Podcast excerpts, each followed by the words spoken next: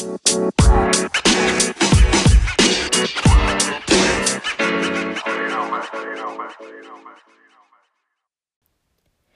everyone, you're listening to the In Other News podcast where Black British voices converse around new projects, initiatives, share opinion, and life experiences. And as founding editor of In Other News, I'm your host, Candice Oxley. Hey everyone, welcome to episode 28 of the In Other News podcast, officially the final episode of 2020 in a lot of ways, I can't believe this year is over, but in more ways, I absolutely can. And I'd also like to take this time to send prayers and my condolences to anyone who's lost loved ones this year.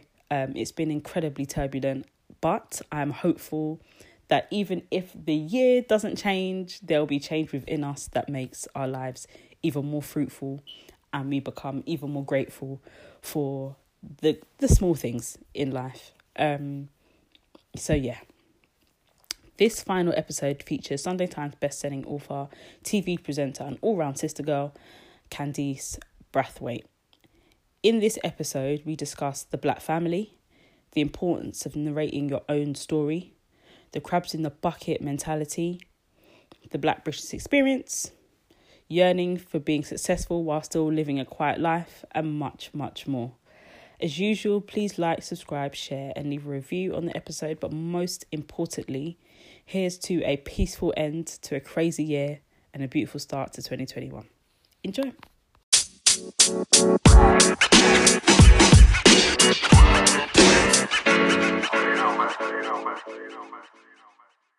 How are you? I'm good, thank you. How are you? Yeah, I'm really well, really, really well. All the better for speaking to you. Ah, thank you. thank you. How is your um, week going? My week has oh oh it's just been I hate to use the word depressed, but I'm just like I'm feeling really heavy. I'm feeling really um under pressure because the manuscript for the second book is due like December 1st. Mm-hmm. Um so yeah, I'm feeling like time is tight. I had a much longer lead time with I'm Not Your Baby Mother. So I'm feeling a bit stressed, to be honest. I'm like, ah! Yeah, lots going on. yeah. But all for good reason. Um, yeah. Um, but yeah. and I see that you go to therapy, so that's probably helping. It is. It, but also, I'm like, it's helping, but now I feel like because I'm writing this book, I need to up my sessions.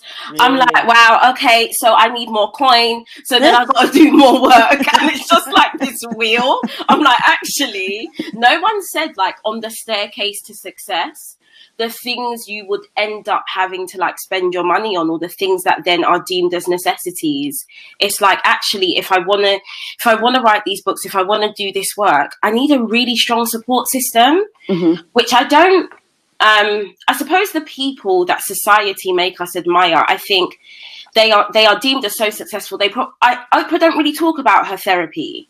Or, yeah. you know, I don't hear Beyonce saying, Oh, I need these are the people in my team who keep me going on low days. Right. So there is just this gap right now where I'm just like, okay, I'm no longer Candice Brathwaite from a Summer Leighton Estate, mm-hmm. but I'm not yet Candice Brathwaite on the same level as Oprah. I am in this muddy middle where the tiniest thing could make me act like Candice from Summer Leighton. the tiny, I know that, but also the Candice that's trying to be Oprah is like, girl, don't you do that? Don't do and that, yeah. I, that, that Candice like, well, then send help because I'm trying to navigate systems and and and and, and boardrooms and yeah. contracts that in my in my generational space i'm the first one to first do to that do. you know and mm-hmm. i just don't think i don't think especially in black british society this new wave of black britons doing great things i just don't think we talk about how deeply they could be struggling right. because we just haven't had that overview of black success in the UK okay, yeah. yet, you know? Yeah, yeah. So, yeah, girl, sorry, that was a lot. Sure. No, it's fine. it's fine. It's life. And this is what I appreciate most about conversation. Like you yeah. could be feeling one way, you just need to offload. But I agree. I think, um, and that's really one of the reasons I. That's actually a very nice segue into just a little bit of a brief introduction, a little bit about me. Um, that's really one of the reasons I started in other news. Mm. So it mm. started off as a blog um, because I found that gap really frustrating. yeah. um, as a journalist by trade, I found that success only looked one dimensional um, mm. and then black success was even more narrow so yes. it looked like arts it looked like sport it looked mm. like media um, and i felt that for black brits or just people in general that didn't really feel that connection to the to music and arts um, mm. in the same way as some musicians do i felt that it was a really um, it was a big disservice to what they could to them seeing what they could become mm-hmm. and where their passions for stem or yes. tech or literature or food could take them as mm-hmm. Black Brits in particular. Um, mm-hmm. I guess we looked at Black America for a lot of our um, inspiration. But I think it's been um, this year and kind of over the past three years in this journey for me has been really great that I've been able to look alongside myself and see people that I'm inspired by and not always be looking up. Yeah. Um, which yes. has been really great. And just kind of building that community out in terms of what we do within other news. So there's a PR arm to it, the podcast arm, um, online content arm, and then just kind of hosting stuff for myself um, mm-hmm. has been really interesting in just seeing how much um, and how many Black Brits are just unsung.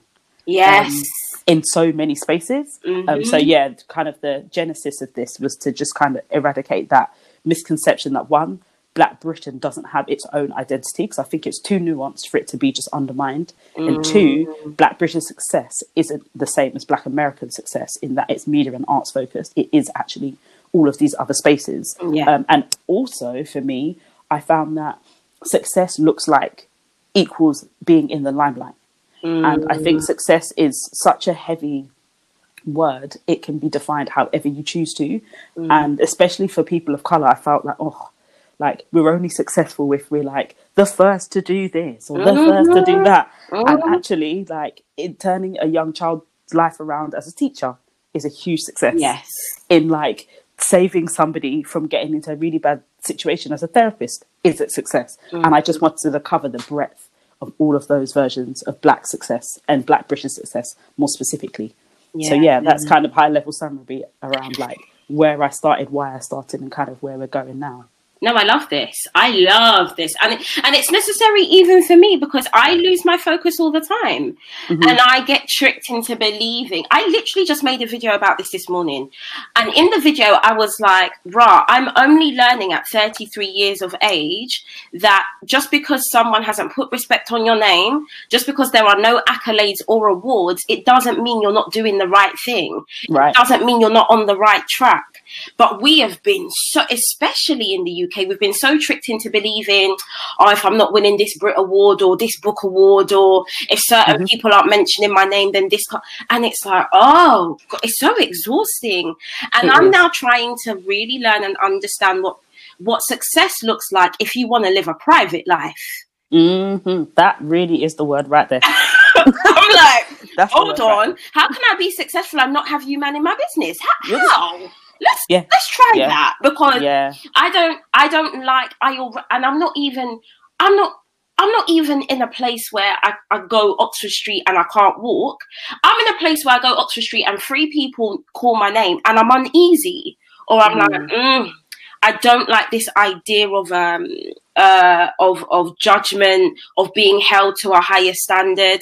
Like, how can I do the best work without people knowing like where mm. that where and i just don't see it and like you rightfully said in in the uk things like stem black women in tech black women in business like i swear like one of the highest women in john lewis John Lewis, she's black, like one of their board of directors. Oh, really? Yeah. And I'm like, see, you, you, don't know that unless you go looking for that information mm-hmm. because it's always black british success um, more than anything that your success has to be in alignment with public adoration or winning these awards or being yeah. on this 30 under 30 or being on the sunday times rich list and i'm just like that can't be all there is because even the tiny taste i've had of the public thinking they know me is disturbing Mm. It's a bit disturbing. Yeah. And yeah. so I think we see these people's names and we see them winning awards, but to what end? We don't you know i'm mm-hmm.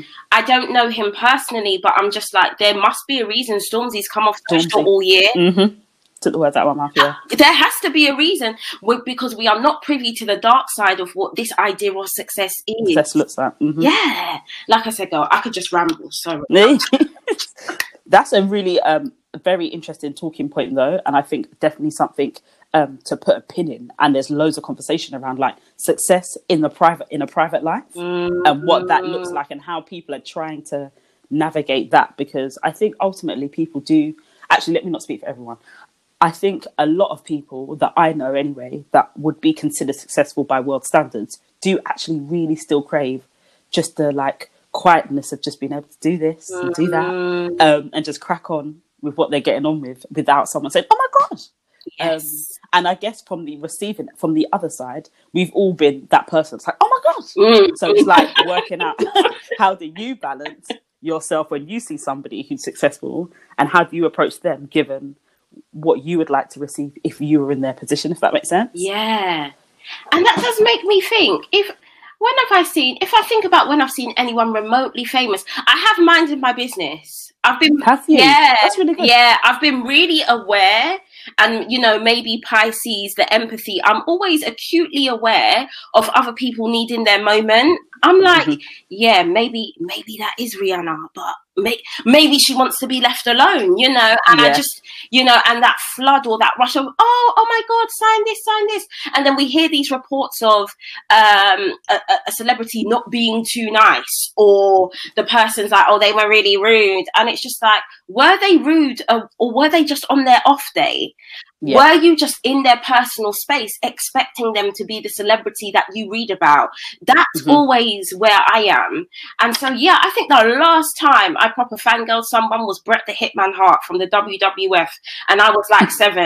and I made my mum stand in line for four hours to meet that man. So I was deserving of that moment. But outside of that, I'm very like, no, this is this really is just a human being being yeah, yeah who yeah.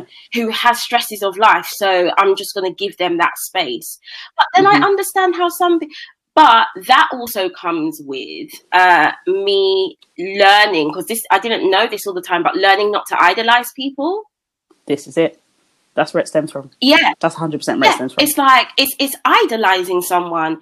It's literally not being able to envision them in pain or having to use the toilet. Like, you mm-hmm. put them on a level so high, it's almost like they lack humanity. And I'm like, mm-hmm. yeah, I stopped with the idolizing of people when Britney and Justin broke up. I was like, oh, you two can't make it down the aisle, then I'm done with that. that was not the ending I was expecting. So I was like, oh, okay okay. people are, and they're going to make their own choices. But yeah. with the world being what it is, with this constant plug into social media, mm-hmm. I see how, especially Gen Z, it's like this idol moment. And I just think, oh, and that makes it hard for the person at the other end because if they breathe wrong, like yes. cancel all of a sudden cancel, that. And i'm like yo they just said some stuff that you would have said worse. They were just recorded 100%. or something. And and mm-hmm. you would have you would have had more respect for them if you didn't idolize them because they're just 100% they're just human. exactly. Exactly. So yeah that's where yeah. i am. Yeah. Yeah. That's a um honestly that's a difficult place to straddle because there have you watched the social dilemma on netflix? Yeah it's the one with right so and i don't mean is it the social dilemma? I think it is i want to say the one there's two um, programs on netflix docus on netflix called the social something but i think it's the social dilemma the one where like executives and board level members of social media platforms like have into one-on-one right interviews. this is that is the one i was thinking of and you know why i was thinking of that yeah. what really struck me in that documentary there was only one asian man in that whole documentary you know i was mm-hmm. like oh so even at the highest level of social media there's a lack of representation do you guys not understand how this literally filters down into the algorithm you're being sucked into? Because the people 100%. programming this thing can't even see. See. They don't even see black people or people with disabilities. They don't see it. So of course, mm-hmm. we're constantly fed this Kylie Jenner type aesthetic, this this size four girl living in Sweden.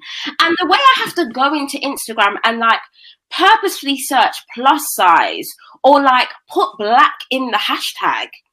and then make all this range of imagery come up and then go and like all of that to try and reconfigure what this thing is feeding me. Because I'm like, I yeah. don't know who these size two girls are in Sweden. They look great, but it's not helpful to me right now. And mm-hmm. watching that just made me think it's not just the fact that our kids are going to grow up addicted or our children are now more obsessed with likes than knowing their times tables it was also a huge reminder that at the top level of all of these FTSE 100 billion dollar pound companies there is a, a supreme lack of representation it was mm-hmm. shocking mm-hmm. i was yeah wow. i was wait i was optimistically i was waiting for the black woman to come on the show and call me an optimist like next level but I really was waiting for a black woman to come stage. And then when I saw a woman, I thought, okay, you know, right, all right, cool.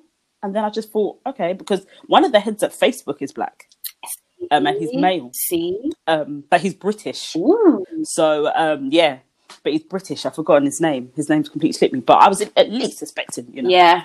Do you see what I mean? And it was that for me, and it was like even my six year old daughter now, when she talks about things like YouTube, I'm mm. always very conscious of my language because I'm like, yes, don't get me wrong, you could be a creator, but think about being an owner. Think about mm-hmm. being the one who creates the algorithm. And of course, he's like, yes. "What's that?" And I'm like, "Of course you don't know because you you understand likes and views and and and these diamond impressions yeah, reach you understand and, yeah. that. You don't even understand the skeleton of this thing." And I'm like, actually, that's where when you want to talk about success, that's where real freedom is. That's where real money is. That's where real understanding and knowledge is. It's not just about showing up to these platforms and using them to the best of our ability and thinking we're winning I am. Mm-hmm. I'm I again I'm slowly starting to learn that what my version of winning has been for the last five years is really nothing in comparison to like a Kevin Systrom who made Instagram or because I'm like these are yeah. the people creating the, the places people flock to. And yeah, I mm-hmm. don't I think the last time Kevin posted on Instagram was two years ago. The man who created Instagram don't use look it. At that. don't use Look at that. Look at that. If that is not telling, I don't even know what we're doing. he doesn't use it. And I'm like, I'm trying to get like Kevin. I'm trying, you know, yeah, yeah. I'm, and even that, and like you're saying, with you creating this podcast and this PR leg of the business. It really is about um, us trying to get more Black Britons to speak up because I'm like, there. I know there's got to be more of us winning in secret or or building in secret, but it's like I need you mm-hmm. guys to talk up because people like us are a bit at sea most of the time because we don't see that version of quiet success or what it takes to build a brand in private or who are, if any, where are black British billionaires. I think Pat McGrath's business it. just got she passed a billion Just. last year or this year or something. But it's like mm-hmm. I, I, can't find the un, uh, interview from Auntie Pat nowhere, and I'm like, I'm like she is literally in her house making doing her making her makeup and keeping it. Like, that is Pat. That is what Pat's doing. I'm like, Pat, please just put up a little webinar or something now. I don't understand. And with every situation that takes me into a new space or I'm, I'm having to negotiate something I don't quite understand, I feel more alone in my blackness and more alone in my Britishness yeah. because I'm just like, and this is facts. And I tell anyone who listens, if it wasn't for the fact that I number one, my management team are brilliant, but number two, they're white and they're connected. That. That's so and they're well yeah. read and you know and they know certain names that when I'm in a bit of a bind, they're like, oh, I'll call this person and this person. And I'm like, so where's the black version of that? Where's the black version of that? Where is the black version of that? And then, you know, I, I can't come on here and not chat the truth. There are some of us who are so um, paralyzed by the, the falsehood that is um, um, scarcity that it's like, okay, I'm going to win, I'm going to hustle, but then I got to keep all these secrets to myself because there's not enough in this bucket to go around. Oh, that uh, nothing frustrates me even more because if there's one thing mm. I think that has held Black Britons back the longest and the hardest is the idea that there's not enough to go round. Yeah, I'm like that's what got us Yeah. still in the starting block, whilst Black America has trot off a little further ahead. They still have their problems, but I think those Black people in America who could be deemed as the what Black one percent or whatever, they are less scared of losing. They see sharing their knowledge as something that's only going to make them gain more wealth or power or education. Whereas I think because we don't really get to see each other held to high esteem, regardless of what industry we work in, it's like, oh, if I win Mm. in this arena, I really need to keep this to myself, you know. Keep this myself. It's that. It's so, like, and you you said the word at the top. It's the nuance of the struggle. Like, I'm just like, we. I could be here all day unpicking the many ways. I think, um, Black Britain is is is stunting its own growth, and it's a shame. Mm. Yeah. It is a shame. yeah i think we have um uphill ev- like we all have an uphill um walk. And i think you make an interesting point in that that it's the secrecy of like nah like you know what let me just or there's the um click um, element. So it's like unless you're in this circle then this is how we move but everyone else. And it's a, a situation happened the other day when a friend of mine was asking um for a gift from a family member and their response was no like i'm not going to buy it for you because um i you, you need to work for it like everybody else did Oh. and there's there's strength in that um i think not everything should be handed to you on a plate but i also think it's the everyday struggle Is it? you got out because you took the words right out of my mouth. You took the word on it. Oh, let me. I didn't even think carefully about what I'm going to say next. I don't want to let myself in no hot water. But there's someone in my family who does exactly the same thing, and like this person has used their idea of wealth and prosperity and uses it like a like they're a puppeteer. Yeah, and it's Yeah. like, well, if I tell you jump, you got to say how high because you know I'm the one with the full person.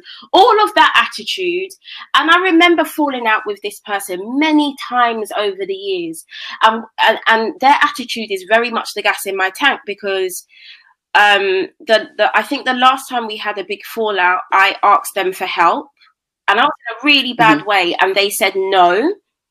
And I was like, rah, I will never feel this small ever again. It's never gonna happen. Mhm, mhm, It's mhm, never gonna mhm, happen. And it's got to the point now that the person is so disarmed by the visuals of my public success that they just go and talk smack about me even more. And this is yeah, and this is in my own like family structural makeup. And I'm like, you see that? It's not everyday struggle. Also, I'm a great believer of this, and I think um, black the black community, black families, we could learn a lot from this. I have not had my children for them to look at me and say, Could you help me with this? Could I? Yes, there is learn to work for stuff, but there's also like, I am trying to give you the biggest jump up you ever had, ever. I'm Mhm, trying to mhm. put you Yeah. on the tallest springboard.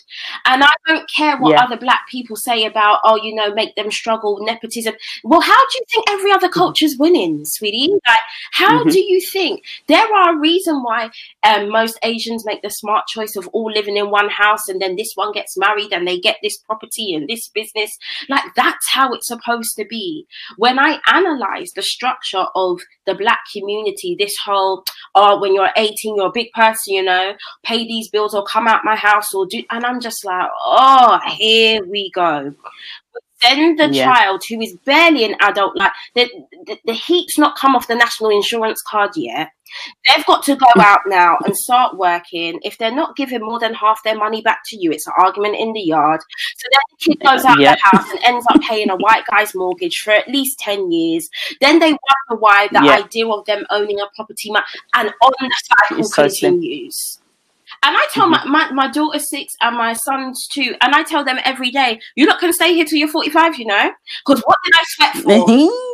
What did I sweat? I sure as hell didn't sweat like this for you to then leave my house at 18 and be and have constant pressures on your head that that shouldn't be your business. It shouldn't be your business. This idea of us having children just so we can always tell them that everything we're doing for them is a privilege, or you know, Yeah. uh, it's disrespectful if you don't want to hand over half your paycheck. Dead, dead. And I get mm. into so many arguments with black people about this, and it doesn't bother me in the least because I'm like, One listen, second, yeah. we are we are really we're putting our children behind. We're delaying their beginning with this attitude, and it doesn't always have to be me saying, okay, you should be in a position to give them a deposit to their house, but at least let them live with you and save money. And don't guilt them yeah. into giving over their last penny, and and don't mash up their good good credit either, because that's another thing we're good for. oh, you know, Tuesday, I can't afford the sofa. Come put your, put your name where? where? Sorry. Sorry. where? Where? So, but by the time you're 25, your age mates are leaving uni with university debt, with things that are going to get them mm-hmm. a master's. Of. You're leaving with debt you've acquired for other people. You quite had, huh? yeah. Yeah. And there are black people who will fully sit there and tell me, well, yeah, that's my kid and they should do this. And mm-mm, mm-mm. We're actually crazy. We're actually crazy. and the thing is, yeah. you know, I, I, yes, there is a security in speaking to a woman like you because it's, it does feel like inside business. It's like sometimes mm-hmm. I just want to get on the internet and tell us how mad we are and just be yeah. like, of course, there is structural racism and all of these things, but are we also not going to analyze the ways in which we're doing ourselves bad? No, no, no, we're not going to talk about that, are we? Yeah. So I would never do that in a public space, but inside business, I just want to give us a good shake and just be like mm-hmm. the the reason why the stronghold of white supremacy wins so much is because we've already weakened ourselves in some aspects and if we're not re- ready to join ranks and patch that up we're not going to get very far and then the children who do against all of those shortcomings succeed they grow up and they never look back and that's still a chat oh they forget yeah. where they come from disrespect. Come from. No, it's not disrespect. It's called freedom. It's called peace. It's called understanding that in order to break the cycle, you have to step away. And I don't know, I see the conversations i could be i could be doing wishful thinking because i think to some degree we all live in an echo chamber but the people i have conversations with we're all in alignment with the understanding that if we're going to have kids you got you got to make it easier for them. But i do also have to acknowledge that generational gap where those in their late 40s early 50s and above are just not trying to have that conversation. And so i just throw yeah. my hands up to be honest. Yeah for the yeah. most part for sure. Yeah. Yeah for the most part, for sure. Um, gosh, honestly, there's so much. There is so much. But in light of mm. being a mm. parent, um, just your journey thus far. What are some of the things you love most a bit about being a mother? When did you become a mother? What is your family dynamic? Gosh, when like? did I become? I think I had Esme when I was 26, which is so. Mm-hmm. It's been interesting to see when I say that in primarily white settings. Everyone's like, "Oh my god, you were a baby," and when I say that in primarily black settings, people are like, mm, "You left it kind of late, in it." Mm. Mm. Late. It's, it's so been very interesting to have that conversation understand that according to culture, that age sparks a whole range of emotions. So I had her at 26 at a time which actually looking back, I feel like I was young, very young. Um, but the changes mm-hmm. that motherhood brought, I think they they would be changes that hit hard irrespective of age. So even if I waited till 40 right. to have Esme, they kids just being a mother changes you so much. I don't think age really is the grounding factor. Um, and right. we had her when we were really, really poor. There was no, I, you know, I sometimes like use throwaway terms like broke. No, we were poor. I remember one in the week of her birth, there was a night we had to choose between topping up the gas meter and buying her nappies. Of course, nappies won, but we had mm. her in the stiff winter of 2013. Like it was freezing. It was like minus two. Mm. And I remember feeling um, really um, like a failure in that moment but also not feeling like I could come out and say I was a failure because, especially with Black mm. motherhood, there seems to be this overwhelming silent agreement that your life is going to be a struggle. It's like, struggle. so who was I going to go and cry to? Because everyone would be like, yeah, and you, we've been knowing. This, this, is, this, is what, what it is. This, is what it is. And I remember being a young kid and going to like weddings, and all the aunties are in one room, and the men are in another, and the aunties have all the babies at their feet, and they're just cussing and they're just up upset. yeah, yeah, that is Yeah, so visual. that is so. and they're I just- literally see it in my For lack now. of a better word, bitter, rightfully so, with righteousness, but just a bitterness. There was never, I, hand on heart, could never remember a time where black motherhood, I saw it reflected as happiness or something that was wanted. Mm. I never, I Mhm. never saw that. I never saw that. It was always like, oh, these kids are stressing me, and da, da, da, and so Mhm, even mhm, you know, I've had Esme, Yeah. and I, I you, the birth is really bad, and I fall sick after the birth, and I almost die, and we're really poor, and I'm really stressed. It's still like, and say what to who? Because you you're not unique in these streets, babe. Like. No one needs to hear that. And I just always remember trying to hold on to the silent intention of never making my children feel like a burden Yeah, never making them feel like they owe me anything, Mhm. never hearing, never wanting them to hear me crying over bills or stress or, and this isn't to say that I won't show them the realities of the world, but I know coming up, I knew way too much about being an adult or I knew way too much about the stresses of life yeah, that totally erased a lot of what should have been a childhood. And as low as I was when I had Esme, I was like, girl, it's not going to be like this forever. And you know what you need to do to make this a better scenario. And, you know, by God's grace, and, and I will add also my own grace, because again, I think as black people, the way we're raised, we're quick to be like, oh, you know, God, God, God, but then we sit on our sofa. And Yeah. it's like, Yeah. yeah, yeah, praise him, but get up. Get up. yeah. Faith without works is dead. straight, straight. And I'm like, praise him, but get up. And through God's grace and me getting up, having my son was a far different um scenario. hmm So much to the point that, you know, it makes me chuckle. There are certain things my, my son don't know what a double decker buses. That's so funny. To the point when we were driving around London, he was like, fire engine, fire honestly, I laughed for half an hour because he was like, and we were like, no, RJ, that's a bus. And he's like, no, fire engine, fire. That's so funny. oh my God. you.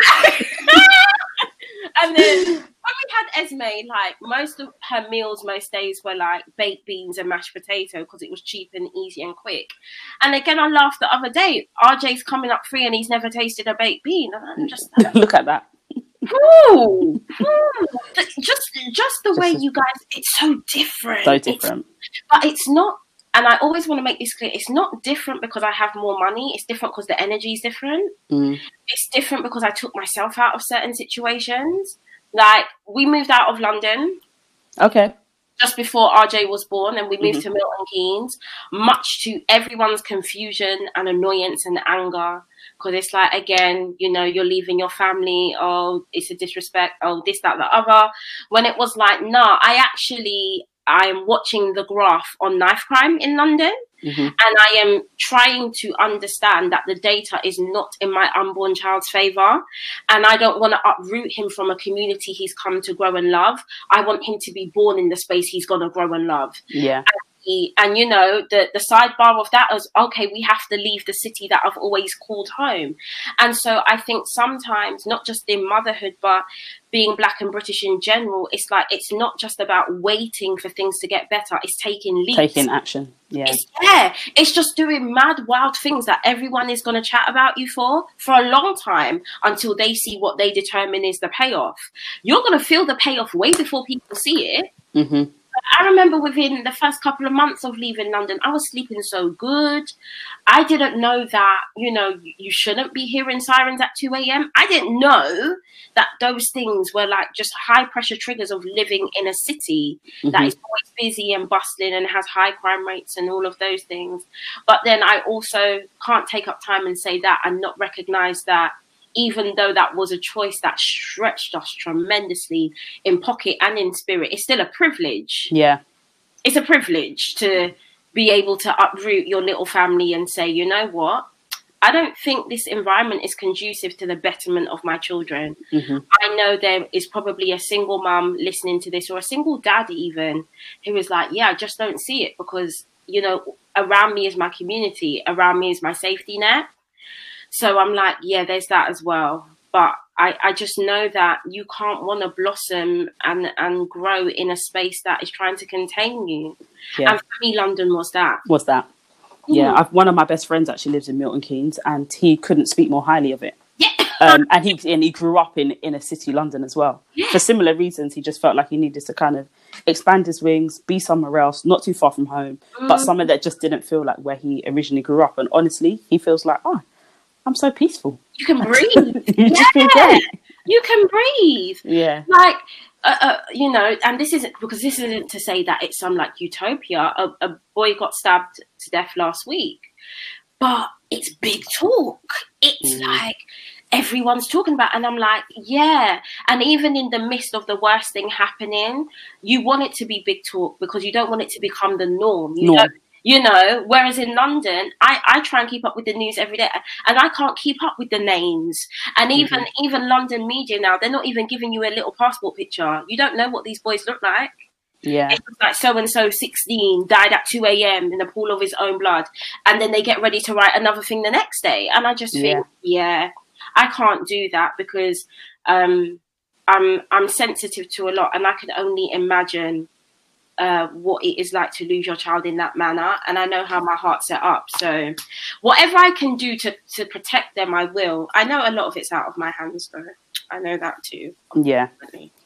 But I think exactly what you're doing in terms of taking action to do what you can. And I think that's just the essence of life in any relationship. You kind of do what you can and then allow the situation or the person to kind of fit all the pieces together for themselves based on the information they've been they've had as foundation. Yes. For sure. What um in terms of books wise now, Mm. and just shifting the conversation a little bit, um, why did you say that um I'm not your baby mother was an urgent urgent call?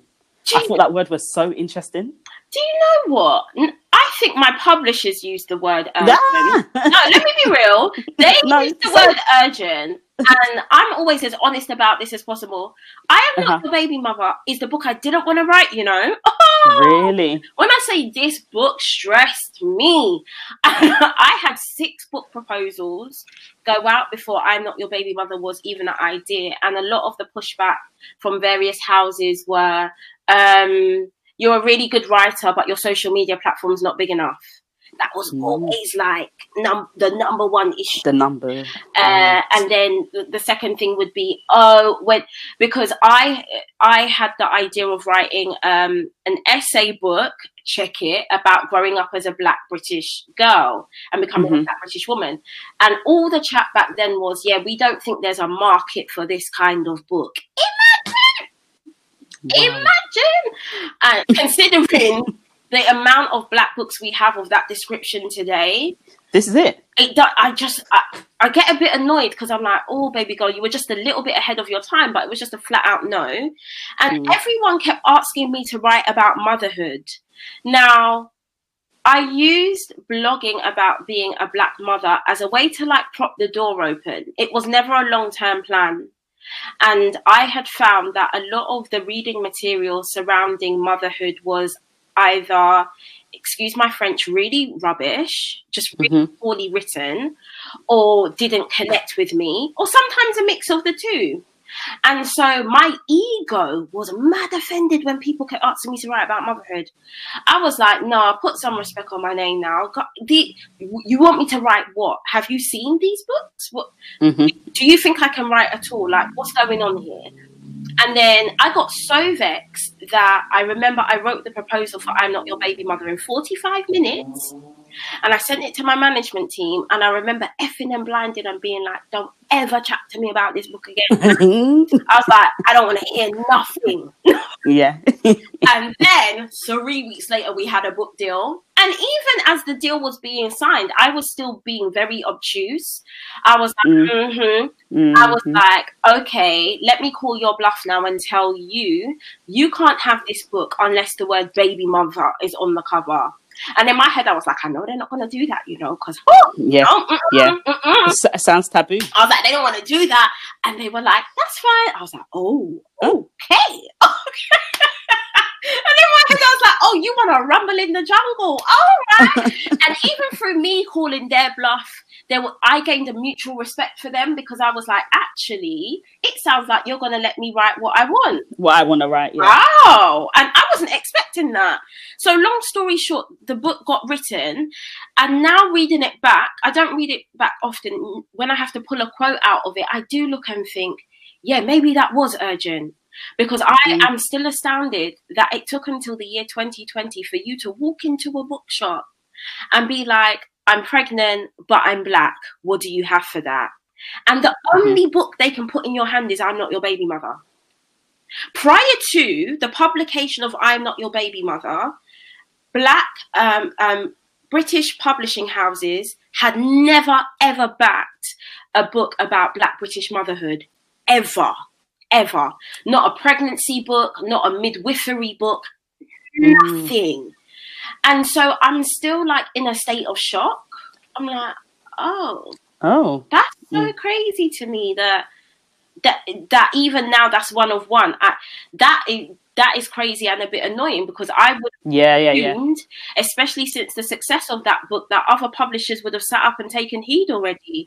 Like because you can I can go into any bookstore and answer a book about motherhood by about white author and be met with thousands of thousands of course. Thousands. So the fact that there isn't even I can't even hear a book number 2 bubbling I'm like okay you guys are mm-hmm. actually mm-hmm you're actually still very short sighted and still very narrow minded. And there is still a lot of raging prejudice within a lot of publishing spaces because mm-hmm. it, it, it still can't be one of one. Yeah, it still can't be one of one after this long. Black women have been pregnant since since, maybe since they dot. yeah, since, since they dot. since nineteen, how long? Sorry? Honestly, sorry. So yeah, I'm still like, yeah, I'm still in, I'm still in awe over what that book is doing and does. And mm-hmm. I take no credit for it because people are like, oh, aren't you so proud? I'm like, of what? I'm like, in my opinion, that you know, you could replace Candice Brathwaite with Shanika Thompson, or I don't know, any girl I went to school with in South London. Again, mm-hmm. this story doesn't feel unique to me. It feels unique to Middle England just because you never heard it before. Or not only yeah. did you not hear it, perhaps you weren't listening. Because it's not to say that black women weren't speaking, you just weren't listening. Yeah, listening, yeah. And so now to, for people to want to put a crown on my head for a very, what I feel is a general story, I'm like, yeah, I'm not really into that. I, I appreciate the sentiment, but I see I'm not your baby mother as like being pregnant, knowing I'm giving this kid up for adoption. And then the book came out and the papers got signed, and it's not my business. Mm. It's not. Yeah. Yeah. Yeah. I've got yeah. very. I was just the vessel type attitude. Uh, yeah. And but do you know what? I think that's really healthy. Mm. Just in general, I think taking yourself out of a situation simply because I'm a firm believer that life, like everyone's biggest life mission and purpose is to be of service. Mm. So as a result of that, you kind of take yourself away from it and allow what you create to serve somebody else. And that's what I that's what I believe the book's done. Exactly.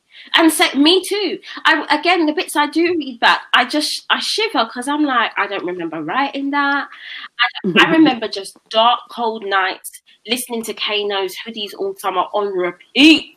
I'm like, actually, if mm. someone wants to give someone an award, give Kano the award because you lot wouldn't have that about that brother. So give him the award. um, and just being consumed, especially there's a chapter there, young, gifted, and stabbed, and the amount of horrific imagery I had to sit through to really like understand gang culture and why especially it's, it's, very alluring to black british boys i'm just like I, there were there are there are a lot of dark elements to getting that work out into the world that now mm-hmm. when people want to like do like an hour podcast just on the book i'm like oh no thanks I am still in therapy for a lot of those themes.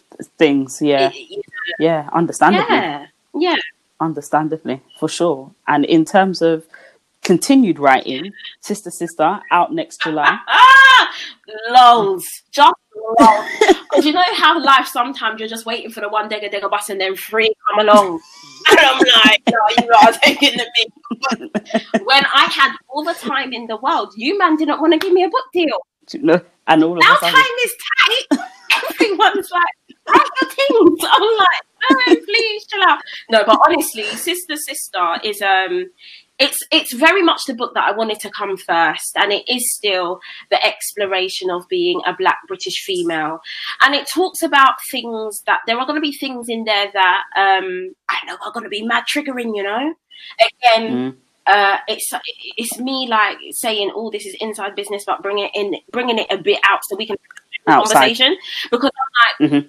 I've never ha- read or seen a discussion in a book about what I term as like jungle fever, and jungle fever to me was, for a long time, I only ever dated white men because black men seem to be really repulsed by me, and how Wow. Yes. Eh, See, that that was the reaction I was going for. And I'm like, I, you know, I'm not on Twitter, but I dip in and out of people's timelines, and I see certain conversations, especially on TikTok. And I'm like, yeah, there's a nuance here. I really want to bring into the public um sphere because it's like we keep say, asking of our especially our younger black british women you know it, we're, we're caught in this tight spot of wanting to be down to ride wanting to support black men but not feeling loved publicly and then mm-hmm, mm-hmm, mm-hmm, I felt tremendously, and it, and it, I was wrong, but I felt tremendously loved by, say, white men, not understanding yet like fetishization or again Right. that whole jungle fever. Right.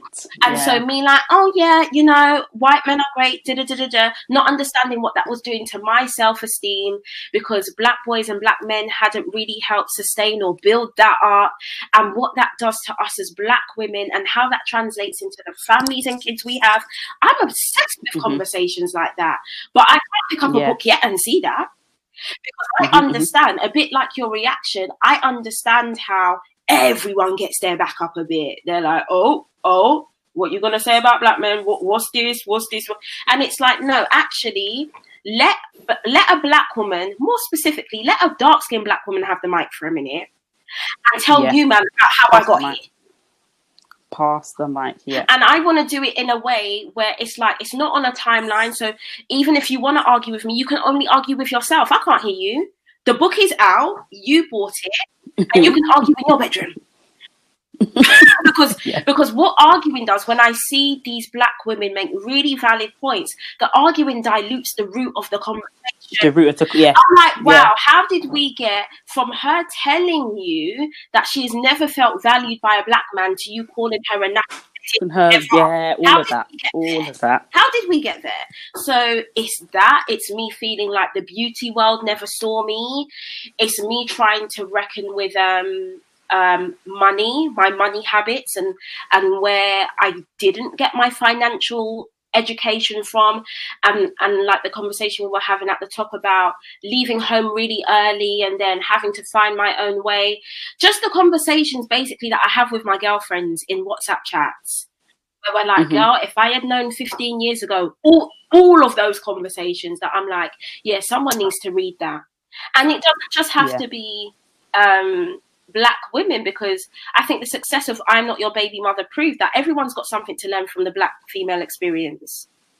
You lot might not say it, but you do. And the same way I There's had to lot. sit through Enid Blyton and pretend that Hermione was me, you're just to have to you have to sit You- through yeah. this and you pretend just gonna have to mm-hmm. pretend and hopefully seeing certain things is going to make you unpick because i remember like briefly having the conversation about um not feeling loved by black men on the timeline and and so on and so forth and then a white woman um leaving a comment which she later deleted where she was like not only does this hurt me seeing that you also hurt by that but it does make me question my own marriage because i'm with a black man and now I feel like I need to go and have a conversation with him about why I am his preference.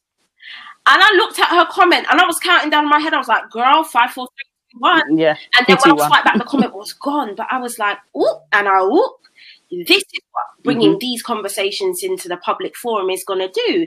It's going to make us have some uncomfortable conversations. Uncomfortable conversations. But guess what? Why does the uncomfortableness always have to lie at the feet of the black woman? Woman. No. that's that's That's no. it. That really, it really is, is it. it. It's like it's like me finally that kicking really away this ball of fire that's been chasing me since I was a kid, and me being like, actually, you lot put this on me. Sort it out. like sort yeah. it out. Yeah. Because I, whether we're talking about being a black man's preference, whether we're talking about black kids being forced to like take on credit for their parents, whether we're talking about the fact that I have naturally massive lips, and yet I will always be called derogatory terms aside Kylie Jenner, who has bought her. Hello.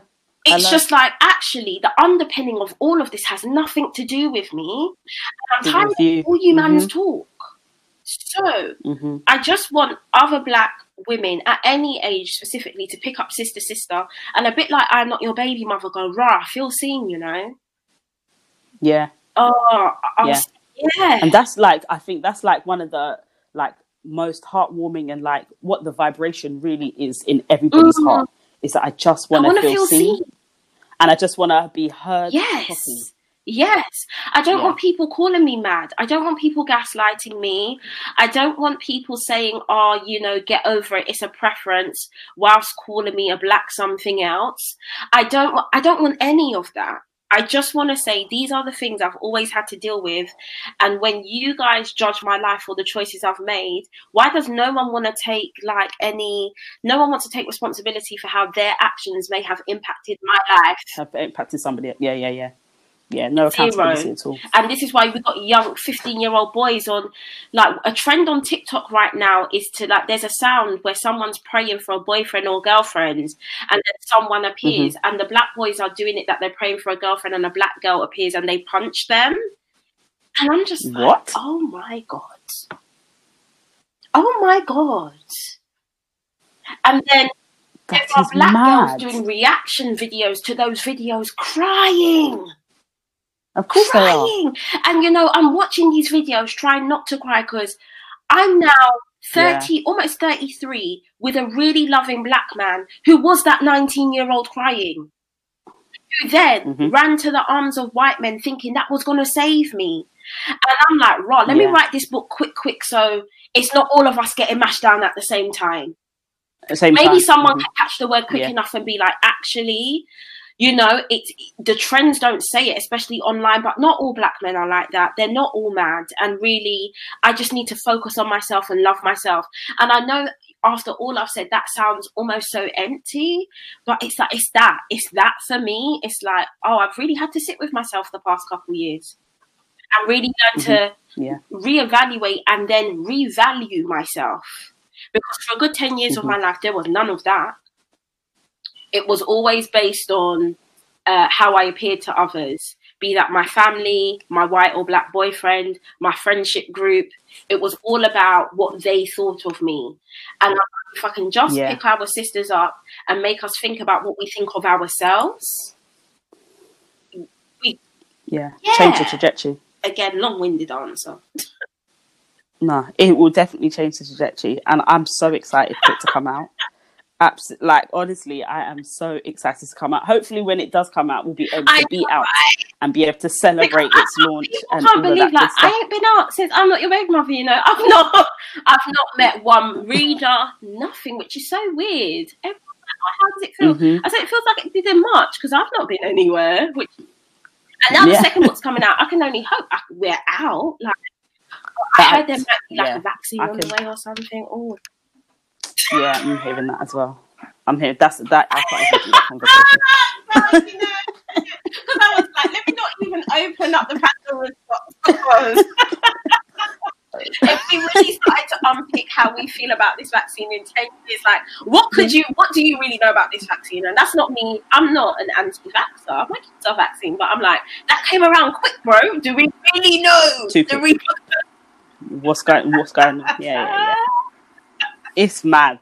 It is mad. But honestly, Candice, this has been such a highlight. No, thank you. This was amazing. Thank you for having me. This has been such a highlight for my day. Um, where can people follow you? Where can people keep up with everything that you're doing? Just, just plug yourself just, as usual. Yeah, just one place, awkward. just Instagram, Candice Brathwaite. I'm not. I I think that Twitter is bad for Black women's blood pressure. Facts. So I don't play on there. I don't play on Facebook. I just use the Instagram. And then if you want to buy a book, then you can do that on Waterstones or Amazon. But I only use one social media platform just to protect my mental health. And I feel like mm-hmm. Twitter is the worst for black women, if I'm honest.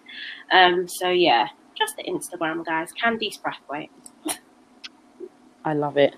I love it. Well, guys, as usual, be sure to follow in other news UK across all socials. Um, and this is, as I said, this has been an amazing conversation.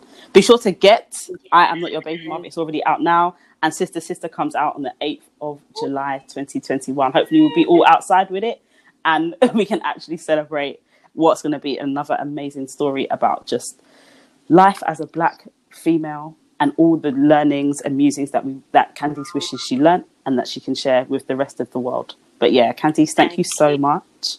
And um, I'm sure we'll be in touch again soon. Thank you. Thank you.